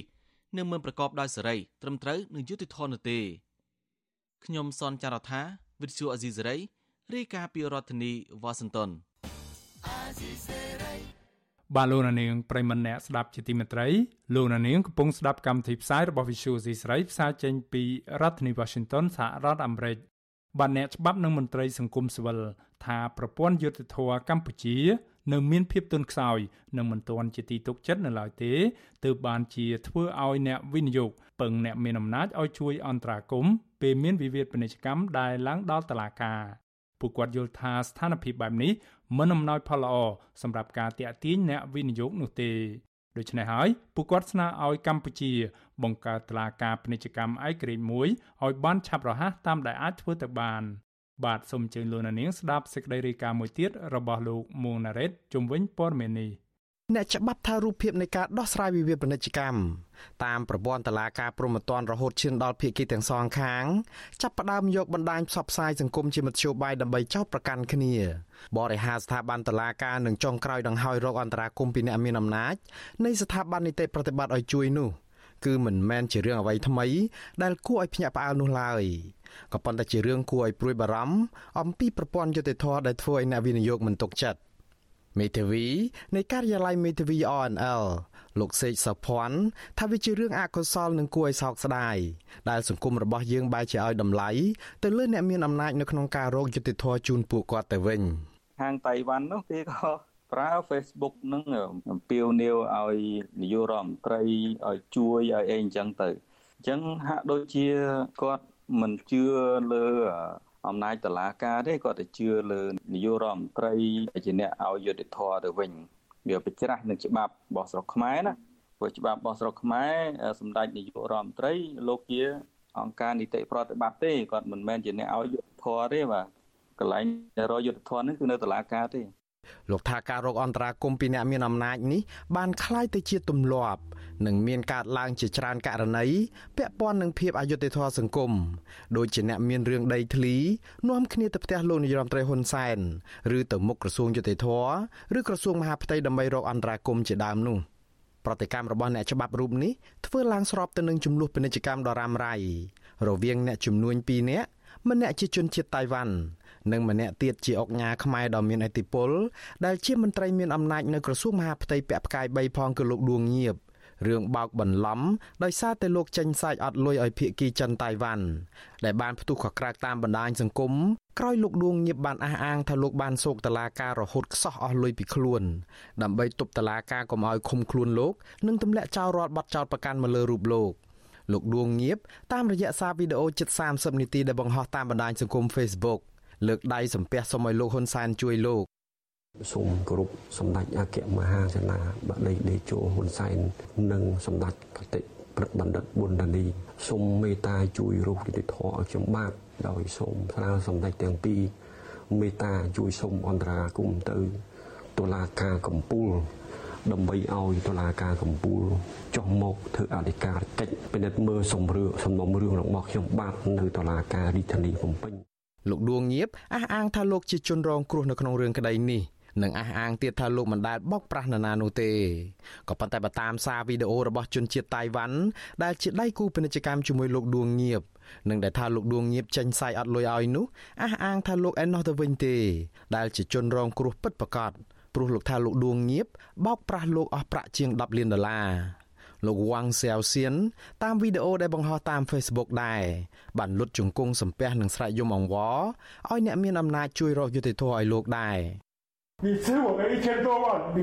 良心何在？请大家给我一个公平公正的一个对待。លោកវងបានសំណូមពរទៅសម្ដេចអគ្គមហាសេនាបតីតេជោហ៊ុនសែននិងលោកជំទាវគតិប្រមដិតប៊ុននីហ៊ុនសែនសម្ដេចកាឡាហោមសខេងជាទីគោរពដ៏ពងពោះជួយបរិទ្ធធម៌ឲ្យគាត់ ជាទូទៅរឿងក្តីវិវាទពាណិជ្ជកម្មបែបនេះនៅប្រទេសជាច្រើន រួមទាំងប្រទេសជាសមាជិកអាស៊ានដូចជាសិង្ហបុរីម៉ាឡេស៊ីនិងថៃផង គេតែងតែដោះស្រាយវានៅក្នុងប្រព័ន្ធតុលាការពាណិជ្ជកម្មមួយ ដែលមានយន្តការពិសេសសម្រាប់ដោះស្រាយទៅរឿងនេះតុលាការពាណិជ្ជកម្មនេះជាស្ថាប័នឯករាជ្យនិងប្រមូលផ្ដុំដោយអ្នកជំនាញផ្នែកច្បាប់ពាណិជ្ជកម្មនិងធុរកិច្ចក៏ប៉ុន្តែនៅកម្ពុជាមិនទាន់មានតុលាការបែបនេះនៅឡើយទេ ការដែលមិនមានតឡាការពាណិជ្ជកម្មហើយយកតឡាការព្រំប្រទានមកដោះស្រាយវិវាទពាណិជ្ជកម្មបែបនេះអ្នកច្បាប់មួយរូបទៀតថាវាជារឿងស្មុគស្មាញនិងពិបាករកយុត្តិធម៌ជូនភាគីនៅក្នុងរឿងក្តីណាស់ប្រធានក្រុមអ្នកច្បាប់អមរិនលោកសុកសំអឿនថានៅក្នុងប្រព័ន្ធតឡាការក្នុងស្រុកយើងសប្តាហ៍ថ្ងៃចៅក្រមកាន់រឿងច្រើនគឺកាន់រឿងព្រំប្រទានផងនិងរឿងរដ្ឋប្រវេណីផងហើយដូច្នេះបើសិនជាយើងអត់មានតែនៅតឡាការពាណិជ្ជកម្មទៅកន្លែងទេ ចៅក្រមព្រមតាន់ទៅកាន់ទៅកាត់ក្តីរឿងពាណិជ្ជកម្មអាណាប្តឹងមុនអានឹងមានព្រៀបពួកអាប្តឹងក្រោយគឺជាចង់ចម្លើយដូចជនជាប់ចោតទាំងគាត់មើលទៅជនជាប់ចោតនឹងខុសរហូតដូច្នេះបើសិនជាយើងមានតឡាការដាច់ចៅក្រមនឹងគាត់អត់មានអត់មានលោកឡងជាមួយរឿងព្រមតាន់អារម្មណ៍មកគាត់អាចវាស៊ីជម្រៅរឿងពាណិជ្ជកម្មក៏តែចំណុចហ្នឹងវាមិនមែនតែប៉ុណ្ណឹងទេវាត្រូវការមានច្បាប់ពាណិជ្ជកម្មមួយដែលតម្លៃផ្សេងទៀត ប្រទេសកម្ពុជា បានកែតម្រង់គោលនយោបាយសេដ្ឋកិច្ចមកជាសេដ្ឋកិច្ចទីផ្សារសេរីអស់រយៈពេល33ឆ្នាំមកហើយក៏ប៉ុន្តែកម្ពុជាគ្មានតឡាការពាណិជ្ជកម្មនោះទេទើបតែកាលពីដើមឆ្នាំ2021ទេដែលក្រសួងយុតិធធសម្រាប់បង្កើតគណៈកម្មការរៀបចំដំណើរការតឡាការពាណិជ្ជកម្មគណៈកម្មការនេះមានតួនាទីនិងភារកិច្ចរៀបចំរាល់ឯកសារដើម្បីដាក់ឲ្យដំណើរការតឡាការពាណិជ្ជកម្មនៅតាមសាលាជំរះក្តីជាន់ទាប និងសភាពាណិជ្ជកម្មរបស់សាលាជំរះក្តីជាន់ខ្ពស់និងរៀបចំបទបញ្ញត្តិស្តីអំពីនីតិវិធីពាណិជ្ជកម្មជាដើមរយៈពេលជាង1ឆ្នាំ បានកន្លងផុតទៅហើយនៅតែមិនទាន់មានសេចក្តីរាយការណ៍ណាមួយអំពីថាតើគណៈកម្មការរៀបចំដំណើរការតឡាការពាណិជ្ជកម្មនេះបានដំណើរការដល់ណាទៅហើយនោះដែរវិទ្យុអាស៊ីសេរីព្យាយាមសុំការបំភ្លឺរឿងនេះពីអ្នកនាំពាក្យក្រសួងយុតិធធលោកចិនម៉ាលីនកាលពីថ្ងៃទី13ខែមីនាក៏ប៉ុន្តែលោកមិនឆ្លើយតបសារសុំការបំភ្លឺនេះ លោកមេធាវីសេកសុភ័ណ្ឌថាកម្ពុជា គួរស្រោតរូតបង្កើតតឡាការពាណិជ្ជកម្មនេះឲ្យបានឆាប់តាមដែលអាចធ្វើទៅបានព្រោះលោកថាពេលនេះប្រទេសគេដើរទៅមុនអស់ទៅហើយគេមានច្បាប់បែបនេះព្រោះអ្នករកស៊ីគេមិនចង់ចូលតុលាការទូទៅទេពលគឺពួកគេចង់បានតុលាការដែលមានជំនាញឬឯកទេសដោះស្រាយចំនួនពាណិជ្ជកម្មរបស់ពួកគេម្យ៉ាងទៀតលោកថាវាគឺជារឿងសំខាន់បំផុតមួយដែរដែលកម្ពុជាត្រូវស្ដារទំនុកចិត្តលើប្រព័ន្ធយុតិធធដើម្បីតាក់ទាញអ្នកវិនិយោគពីក្រៅប្រទេស មិនខុសពីលោកសេកសុភ័ណ្ឌលោកមេធាវីសុកសំអឿនឯណោះវិញលោកចង់ឃើញកម្ពុជាមានតឡាការពាណិជ្ជកម្មនេះដែរក៏ប៉ុន្តែដោយសារតែកម្ពុជាញោមញីដោយសារតែប្រព័ន្ធបកពួកនិយមលោកបារម្ភថាកម្ពុជាអាចពិបាកនៅក្នុងការរកអ្នកជំនាញពិតប្រាកដនិងឯករាជ្យដើម្បីបំពេញកិច្ចការនៅក្នុងស្ថាប័នតឡាការពាណិជ្ជកម្មមួយនេះអស់លោកមន្ត្រីនៅក្រសួងយុទ្ធសាស្ត្រគាត់ខ្ញុំសង្កេតឃើញគាត់ភាគច្រើនគាត់គ្រាន់តែជា មានខ្សែបកទី1ហើយទី2គាត់គ្រាន់តែទៅរៀននៅស្រុកក្រៅរៀនបានតែភាគច្រើនបានយើងស្គាល់ឃើញអត់មានបណ្ឌិតទេមានលោកអនុបណ្ឌិតអញ្ចឹងណាមកអត់ដែលធ្វើជាចក្រមអត់ដែលធ្វើជាគេមេធាវីហើយទៅកាន់ក្រសួងនឹងមកអញ្ចឹងទៅវាអាចខ្ញុំគិតថាបើគាត់មិនបានធ្វើការសិក្សាសាជាបន្ថែមទេវាអត់អាចខ្លាយជាអ្នកជំនាញបានទេអញ្ចឹងទៅវាអាចមានបញ្ហាដែរវាបើយើងចង់បង្កើតតែនឹងបង្កើតមិនគេបង្កើតមិនកើតយ៉ាងណា គាត់ជាតេងតោមតេងតោមមកបើទោះបីជាយ៉ាងនេះក្តីមន្ត្រីអង្គការសង្គមស៊ីវិលផ្នែកដំឡាភិបកណន័យភាពសង្គមនិងផ្នែកប្រយុទ្ធប្រឆាំងអំពើពុករលួយរួមមានលោកបាច់ពិសីលោកសនជេងនិងអ្នកស្រីមុំស៊ីថាសុទ្ធតែយល់ស្របគ្នាថាបញ្ហាសំខាន់នៅចំពោះមុខនៅពេលនេះគឺស្ថាប័នពាក់ព័ន្ធក៏មិនត្រូវប្រងើយកន្តើយក្នុងការបើកការស៊ើបអង្កេតដោយឯករាជ្យ និងស៊ីជម្រៅមួយលើករណីអំពើពុករលួយនៅក្នុងប្រព័ន្ធតុលាការដោយអ្វីដែលលោកដួងងៀបបានលាតត្រដាងនោះសិនដើម្បីដំឡាភាពភាពយុត្តិធម៌និងជំរះមន្ទិលសាធារណជននិងអ្នកវិនិយោគលើប្រព័ន្ធយុត្តិធម៌កម្ពុជាប្រព័ន្ធយុតិធធកម្ពុជាជាប់ពិន្ទុមិនល្អរាល់ឆ្នាំព្រោះកម្ពុជាបន្តជាប់លេខបាតតារាង ថាជាប្រទេសគ្មាននីតិរដ្ឋកាលពីឆ្នាំ2021កម្ពុជាជាប់លេខជិតចុងពូជគេគឺ138លើ139ប្រទេស ក្នុងរបាយការណ៍របស់អង្គការគម្រោងយុតិធធពិភពលោកខ្ញុំបាទមុងណារ៉េត With you Asisari ប្រធានាទី Washington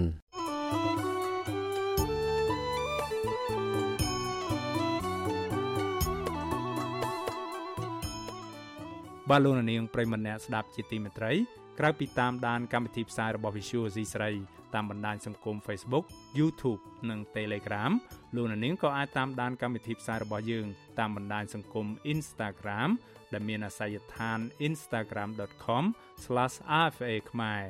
Visual C ស្រីបន្តខិតខំផ្សព្វផ្សាយព័ត៌មានពិតជូនដល់លោកនាង តាមរយៈបណ្ដាញសង្គមផ្សេងៗនិងសម្បូរបែបដើម្បីឲ្យលោកនាងងាយស្រួលតាមដានការផ្សាយរបស់យើងគ្រប់ពេលវេលា និងគ្រប់ទីកន្លែងតាមរយៈទូរស័ព្ទដៃរបស់លោកនាង បាទសូមអរគុណ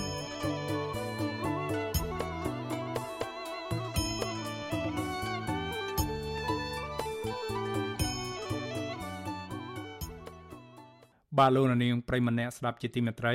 រឿងរ៉ាវដែលដライមួយទៀតសញ្ញៀតក្មេងស្រីដែលត្រូវអតីតមន្ត្រីនគរបាល រំលោភផ្លូវភេទកាលពីជាង10ឆ្នាំមុន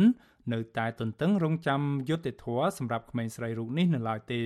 នៅពេលដែលអាជ្ញាធរនៅតែមិនអាចតាមចាប់អ្នកប្រព្រឹត្តមកផ្ដន្ទាទោសបាន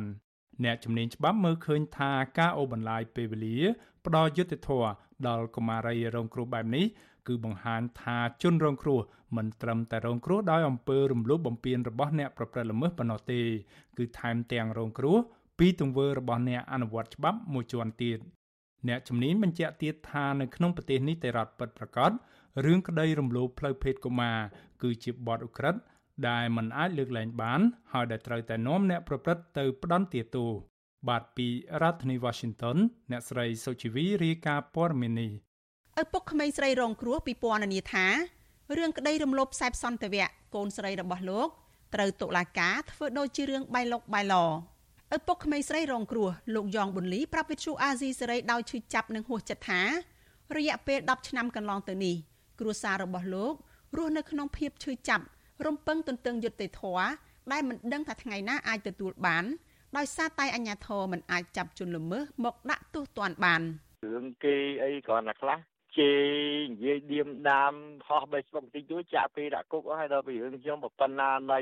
លោកក្មេងអាយុ11ឆ្នាំអីមនុស្សរួចខ្លួនដដែលហើយឈ្នះតាំងពីសាលាការដំបងអូតូកពូឈ្នះអស់ហើយឈ្នះបានតែกระដាស់ហើយចំណងអាលុយអត់បានអាមនុស្សអត់ជាប់គុកហ្នឹងវាឈឺចិត្តដែរ លោកប៊ុនលីរំលឹកថាកូនស្រីរបស់លោកមានអាយុត្រឹម11ឆ្នាំត្រូវមន្ត្រីនគរបាលឈ្មោះកងសុផាតចាប់រំលោភកាលពីថ្ងៃទី15ខែសីហាឆ្នាំ2010 លោកបានប្តឹងរឿងនេះទៅតុលាការដោយមានទឹកតាំងនិងលទ្ធផលកសលវិច័យគ្រប់គ្រាន់ថាជនល្មើសពិតជាបានរំលោភកូនស្រីលោកពិតប្រាកដមែនហើយតុលាការខេត្តប្រសេះអនុបានចេញដីកាចាប់ខ្លួនមន្ត្រីនគរបាលលោកកងសុផាត បញ្ជូនទៅតុលាការប៉ុន្តែមិនបានប៉ុន្មានផងតុលាការបានសម្រេចដោះលែងទៅវិញដោយមានអ្នកធានាឲ្យនៅក្រៅឃុំពេលនោះជននោះបានគេចខ្លួនបាត់ក្រោយមកតុលាការខេត្តប្រសិទ្ធអនុ បានកាត់ឲ្យលោកកងសុផាតជាប់ពន្ធនាគារ5ឆ្នាំនិងផ្ដាល់សំណងដល់ក្មេងស្រីរងគ្រោះចំនួន40លានរៀលព្រមទាំងចេញដីកាឲ្យតាមចាប់ខ្លួនជនជាប់ចោតប៉ុន្តែជនជាប់ចោតមិនសុខចិត្តបានបន្តរឿងនេះទៅសាលាឧទ្ធរដំបូងឡើយតុលាការជាន់ខ្ពស់មួយនេះសម្រាប់រក្សាសាលក្រមសាលាដំបងទុកជាបានការដដែលប៉ុន្តែមួយសប្តាហ៍ក្រោយមកសាឡាវតូបានចេញដីកាលុបចោលការតាមចាប់ខ្លួនលោកកងសុផាត លោកប៊ុនលីបន្តថាពេលនោះជនជាប់ចោតបានលេចមុខនៅក្នុងភូមិថ្មីក្នុងសង្កាត់លេខ3ក្រុងប្រសិទ្ធអនុឡើងវិញភ្លាមភ្លាមដែរគេប្រាប់ប៉ូលីសប្រាប់អីចឹងខ្ញុំថាចេះមិនវាមកផ្ទះវាអត់ចាប់អត់អីចឹងដល់ប៉ូលីសទេប្រាប់ខ្ញុំវិញថាចាំមិនគេមានដេកាអត់ចាប់អត់អីទេគេមានដេកាមួយលឹកគេខាតមហាញប៉ូលីសមកអីចឹងចុងក្រោយគឺនៅក្នុងឆ្នាំ2016តុលាការកំពូលបានសម្រេចឲ្យសាលាដំបងចេញដីកាតាមចាប់ខ្លួនឈ្មោះកងសុផាតឡើងវិញព្រះរាជអាជ្ញារងលោកហួតវិចិត្រ បានចេញដីកាថ្មីមួយទៀតមានន័យសេចក្តីដោយដីកាចាស់គឺតាមចាប់ខ្លួនជនជាប់ចោតប៉ុន្តែ10ឆ្នាំមកនេះអាជ្ញាធរមិនបានចាប់ខ្លួនលោកកងសុផាតបានឡើយបើទោះបីជាគ្រួសារក្មេងស្រីរងគ្រោះបានផ្ដល់ដំណឹងថាគេបានឃើញជនជាប់ចោតនៅក្នុងខេត្តភៀកអេសានមានដូចជាខេត្តរតនគិរីនិងខេត្តក្រចេះជាដើមលើពីនេះចំពោះសំណងចំនួន40លានរៀលតុលាការតម្រូវឲ្យដើមបណ្ដឹងរកឲ្យបាននៅទ្រព្យសម្បត្តិដែលមានឈ្មោះជនល្មើសដើម្បីឲ្យតុលាការរឹបអូស ប៉ុន្តែលោកប៊ុនលីបញ្ជាក់ទាំងអស់សង្ឃឹមថាលោកនិងមេធាវីបានត្រឹមតែទទួលព័ត៌មានថាទ្រព្យសម្បត្តិទាំងអស់របស់ឈ្មោះកងសុផាតត្រូវបានលក់និងផ្ទេរឈ្មោះតាំងពីឆ្នាំ2015មកម្លេះខ្ញុំមិនដឹងដែរថារឿងខ្ញុំហ្នឹងវាដូចប្លុកប្លោវិញចែកអីណាបាទវាហួសចិត្តវាឆ្អែតអល់មកដល់ពេលនេះកូនស្រីរបស់លោកប៊ុនលី មានអាយុជាង20ឆ្នាំហើយ ប៉ុន្តែនាងមិនមានស្មារតីពេញលេញដូចក្មេងស្រីទូទៅឡើយដោយសារតែនាងធ្លាប់មានបញ្ហាប្រញាប់ស្មារតីកាលពីនៅក្មេងតកតងនឹងការតាមចាប់ខ្លួនជនជាប់ចោតកងសុផាតនេះកាលពីចុងឆ្នាំ2021សារព័ត៌មានក្នុងស្រុកបានចុះផ្សាយថាព្រះរាជអាជ្ញារងខេត្តប្រសិទ្ធអនុលោកហួតវិចិត្របានចេញដីកាតាមចាប់ខ្លួនជាថ្មីម្ដងទៀតវិទ្យុអាស៊ីសេរីមិនទាន់អាចសុំការបញ្ជាក់ពីការតាមចាប់ខ្លួនលោកកងសុផាតនេះពីស្នងការនគរបាលខេត្តប្រសិទ្ធអនុលោកជួននរិនបាននៅឡើយទេ កាលពីថ្ងៃទី24ខែកុម្ភៈប៉ុន្តែនគរបាលប៉ុស្តិ៍រដ្ឋបាលសង្កាត់ទី3លោកអុកផាណារ៉េតប្រាប់វិទ្យុអាស៊ីសេរីថាសមត្ថកិច្ចនៅតែតាមឃ្លាំមើលរឿងនេះមិនដាក់ដៃទេ ដើម្បីចាប់ខ្លួនជនជាប់ចោតគាត់ទៅស្នាក់នៅទីណាយើងអត់ទាន់បានដឹងម្ដងអញ្ចឹងបានដឹងថាស្នាក់នៅទីណានឹងរេការជូនថ្នាក់លើគាត់ចុះចាប់ហើយណាតែទោះជាយ៉ាងណាមន្ត្រីនគរបាលរូបនេះបានចុចបិទទូរស័ព្ទទៅវិញ នៅពេលចោទសួរថា តើសមត្ថកិច្ចមានការលំបាកយ៉ាងណាខ្លះក្នុងការតាមចាប់ខ្លួនជនជាប់ចោទនេះតែទោះជាយ៉ាងណាអ្នកសម្របសម្រួលសមាគមការពារសិទ្ធិមនុស្សអាត6អ្នកស្រីជាបសុធារីមើលឃើញថារឿងនេះខុសប្លែកគ្នាពីរឿងក្តីដតីផ្សេងមួយចំនួនទៀតដែលអាជ្ញាធរអាចតាមចាប់ខ្លួនអ្នកសង្ស័យបានយ៉ាងងាយស្រួលបើទោះជាអ្នកទាំងនោះបានគេចទៅដល់ក្រៅប្រទេសយ៉ាងណាក៏ដោយអ្នកស្រីថាអាជ្ញាធរមិនគួរបណ្តោយឲ្យមានអំពើនីតិរដ្ឋភាពនៅតែកើតមាននៅក្នុងសង្គមខ្មែរបែបនេះបន្តទៀតឡើយចំណែកអ្នកជំនាញច្បាប់អន្តរជាតិវិញថាក្នុងប្រទេសនីតិរដ្ឋពិតប្រាកដគេមិនអាចដំណើរការរឿងក្តីបែបត្រឡប់ត្រលិនបានទេ ជាពិសេសក្នុងរឿងក្តីរំលោភបំពានផ្លូវភេទក្មេងស្រីបែបនេះចំណុចនេះបានរំលឹកទៅដល់រឿងក្តីរំលោភក្មេងស្រីខ្មែរដោយបរិះអាមេរិកកាម្នាក់ត្រូវបានតុលាការនៅសហរដ្ឋអាមេរិកកាត់ទោសឲ្យជាប់ពន្ធនាគារ210ឆ្នាំដោយតុលាការច្រានចោលទាំងអស់រាល់ការសុំធានាឲ្យនៅក្រៅឃុំ ដោយសារតែនេះជាបទល្មើសធ្ងន់ធ្ងរមួយអតីតនាយទាហានចូលនិវត្តន៍លោក Michael Joseph Pep អាយុ68ឆ្នាំត្រូវបានឃាត់ខ្លួនកាលពីឆ្នាំ2006នៅកម្ពុជានិងបញ្ជូនទៅដាក់ពន្ធនាគារនៅសហរដ្ឋអាមេរិកតាំងពីឆ្នាំ2007បរិះរូបនេះមានទោសដោយសារទង្វើដ៏យង់ឃ្នងទៅលើក្មេងស្រីមានទាំងក្មេងស្រីដែលមានអាយុ9ឆ្នាំម្នាក់ផងដោយការឲ្យពួកគេប្រើប្រាស់គ្រឿងញៀនចងវាយធ្វើបាបថតរូបភាពអះអាភាសនិងចាប់រំលោភពួកគេ អ្នកជំនាញច្បាប់និងនយោបាយអន្តរជាតិកញ្ញាសេងធីរីប្រាប់វិទ្យុអាស៊ីសេរីថាការបណ្តែតបណ្តោយឲ្យរឿងអយុត្តិធម៌បន្តអូសបន្លាយនិងការអនុវត្តច្បាប់តាមទំនឹងចិត្តរបស់តុលាការនៅកម្ពុជា បានធ្វើឲ្យពលរដ្ឋពិសេសក្មេងស្រីស្លូតត្រង់រងគ្រោះជាច្រើនលើកច្រើនសារឬមិនអាចរកការបញ្ចប់បានកញ្ញាថានៅពេលដែលការអនុវត្តច្បាប់ទៅជាលបលែបែបនេះគ្មានមធ្យោបាយអ្វីក្រៅតែពីការផ្លាស់ប្ដូរអ្នកដឹកនាំចេញទេទើបអាចរកយុត្តិធម៌ឃើញ បានចឹងអត់មានភ្ញាក់ផ្អើលអីប៉ុន្តែជាការស្រក់ទឹកភ្នែកម្ដងទៀតពេលលឺអែនលឺរឿងបែបហ្នឹងពីព្រោះគាត់រងគ្រោះមិនមែនត្រឹមតែនៅក្នុងការពេលវេលាដែលគេប្រព្រឹត្តលើគាត់ទេប៉ុន្តែតាំងពីនោះមកដល់សប្តាហ៍ថ្ងៃនឹងហើយការរងគ្រោះគាត់ចេះតែកើនឡើងកើនឡើងងាកទៅឪពុកក្មេងស្រីរងគ្រោះលោកយ៉ងប៊ុនលីវិញលោកថាមានតែមរៀមដៃ10សំណុំពរដល់អ្នកពាក់ព័ន្ធអ្នកមានអធិបុលទាំងឡាយជួយផ្ដល់យុត្តិធម៌ដល់គ្រួសារលោកផង លោកថាលោកបានសង្ស័យអំពីអំពើពុករលួយនៅក្នុងរឿងក្តីនេះហើយបានដាក់បណ្ដឹងទៅគ្រប់ច្រកល្ហករាប់ទាំងអង្គភាពប្រឆាំងអំពើពុករលួយក្រសួងយុតិធធនិងខុទ្ទកាល័យលោកនាយករដ្ឋមន្ត្រីហ៊ុនសែនផងប៉ុន្តែលទ្ធផលបានត្រឹមតែថារឿងនេះគឺជារឿងរបស់តុលាការលោកថាបើទោះបីជាក្តីសង្ឃឹមថាមានយុត្តិធម៌នោះហាក់នៅឆ្ងាយពីរឿងក្តីដែលលោកពិពណ៌នាថាជារឿងបៃលុកបៃលនេះក្តីក៏លោកអះអាងថាបើមានតុលាការណា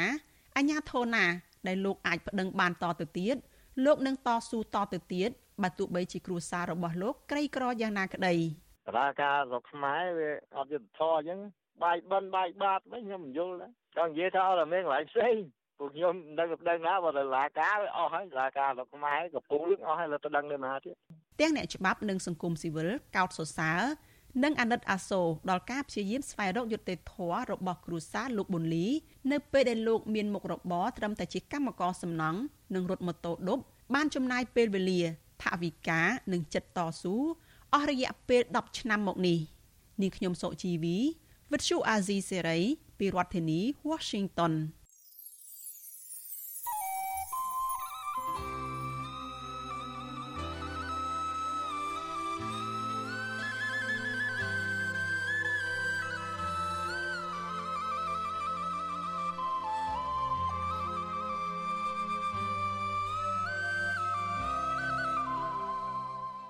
បាទលោកនាងប្រិមម្នាក់ស្ដាប់ជាទីមេត្រី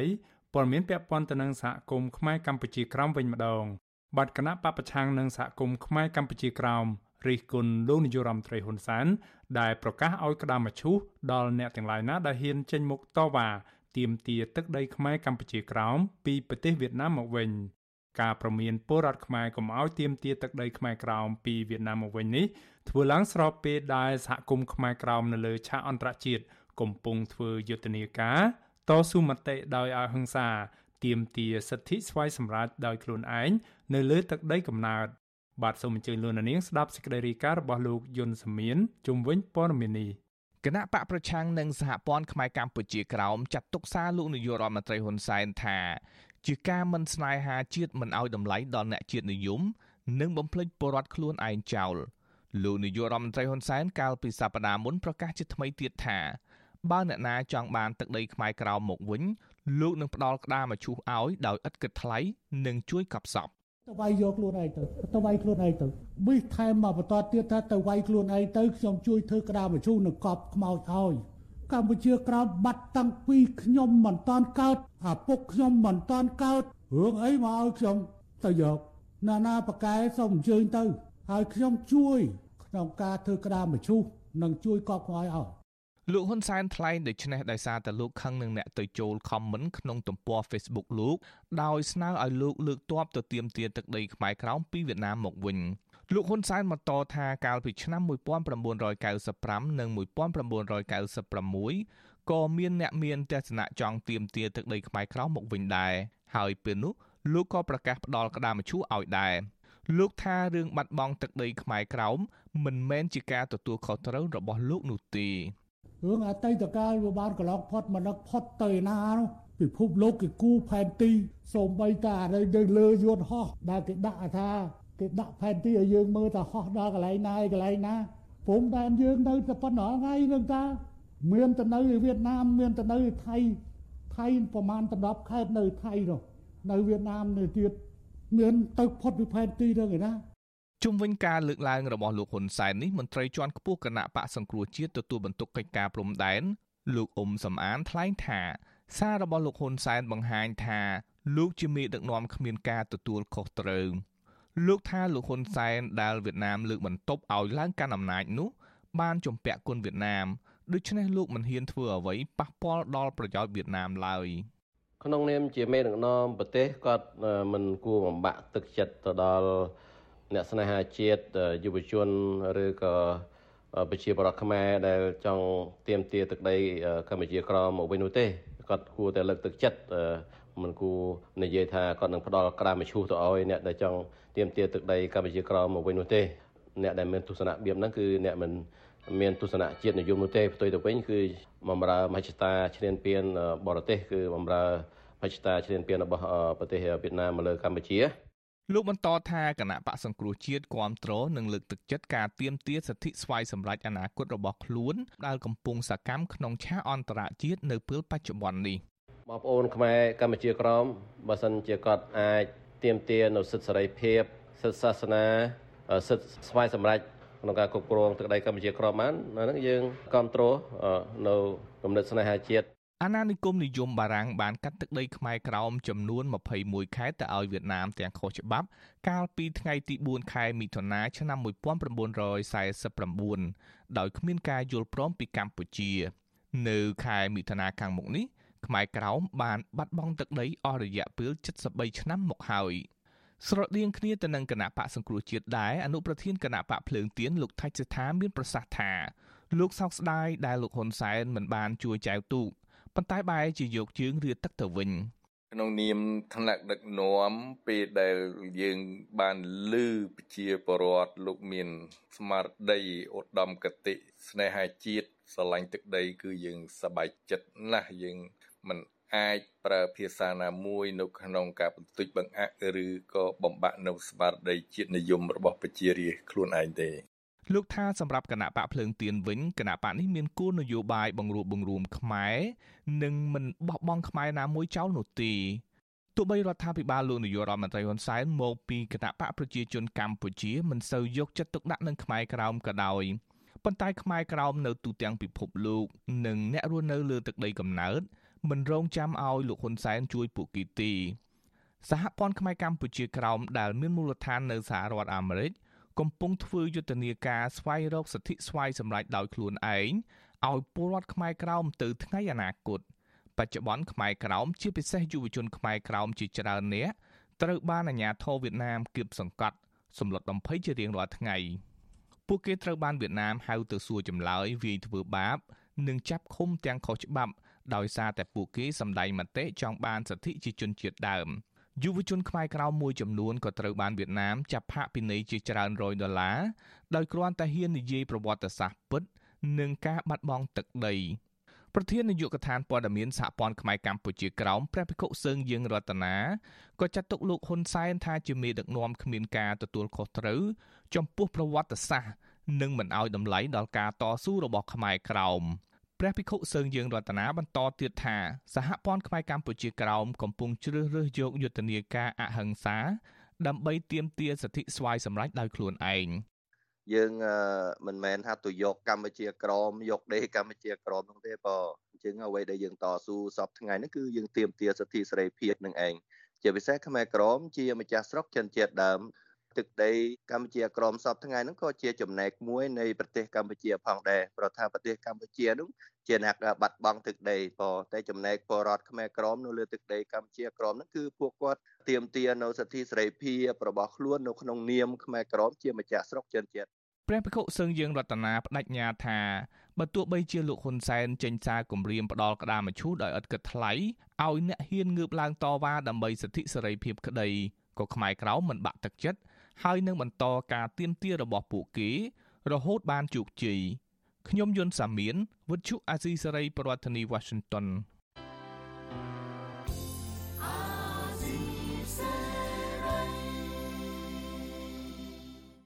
បាទលោកនាងកញ្ញាប្រិមម្នាក់ស្ដាប់ជាទីមេត្រីកម្មវិធីផ្សាយរយៈពេល1ម៉ោងនៃ Visual Asia ស្រីជាភាសាខ្មែរនៅពេលនេះចប់តែប៉ុណ្ណេះ យើងខ្ញុំសូមជូនពរដល់លោកនាងកញ្ញាព្រមទាំងក្រុមគ្រួសារទាំងអស់ឲ្យជួបប្រកបតែនឹងសេចក្តីសុខចម្រើនរុងរឿងកំបីគ្លៀនគ្លាតឡើយខ្ញុំបាទមេរិតព្រមទាំងក្រុមការងារទាំងអស់នៃវិសុវស៊ីស្រីសូមអរគុណនិងសូមជម្រាបលា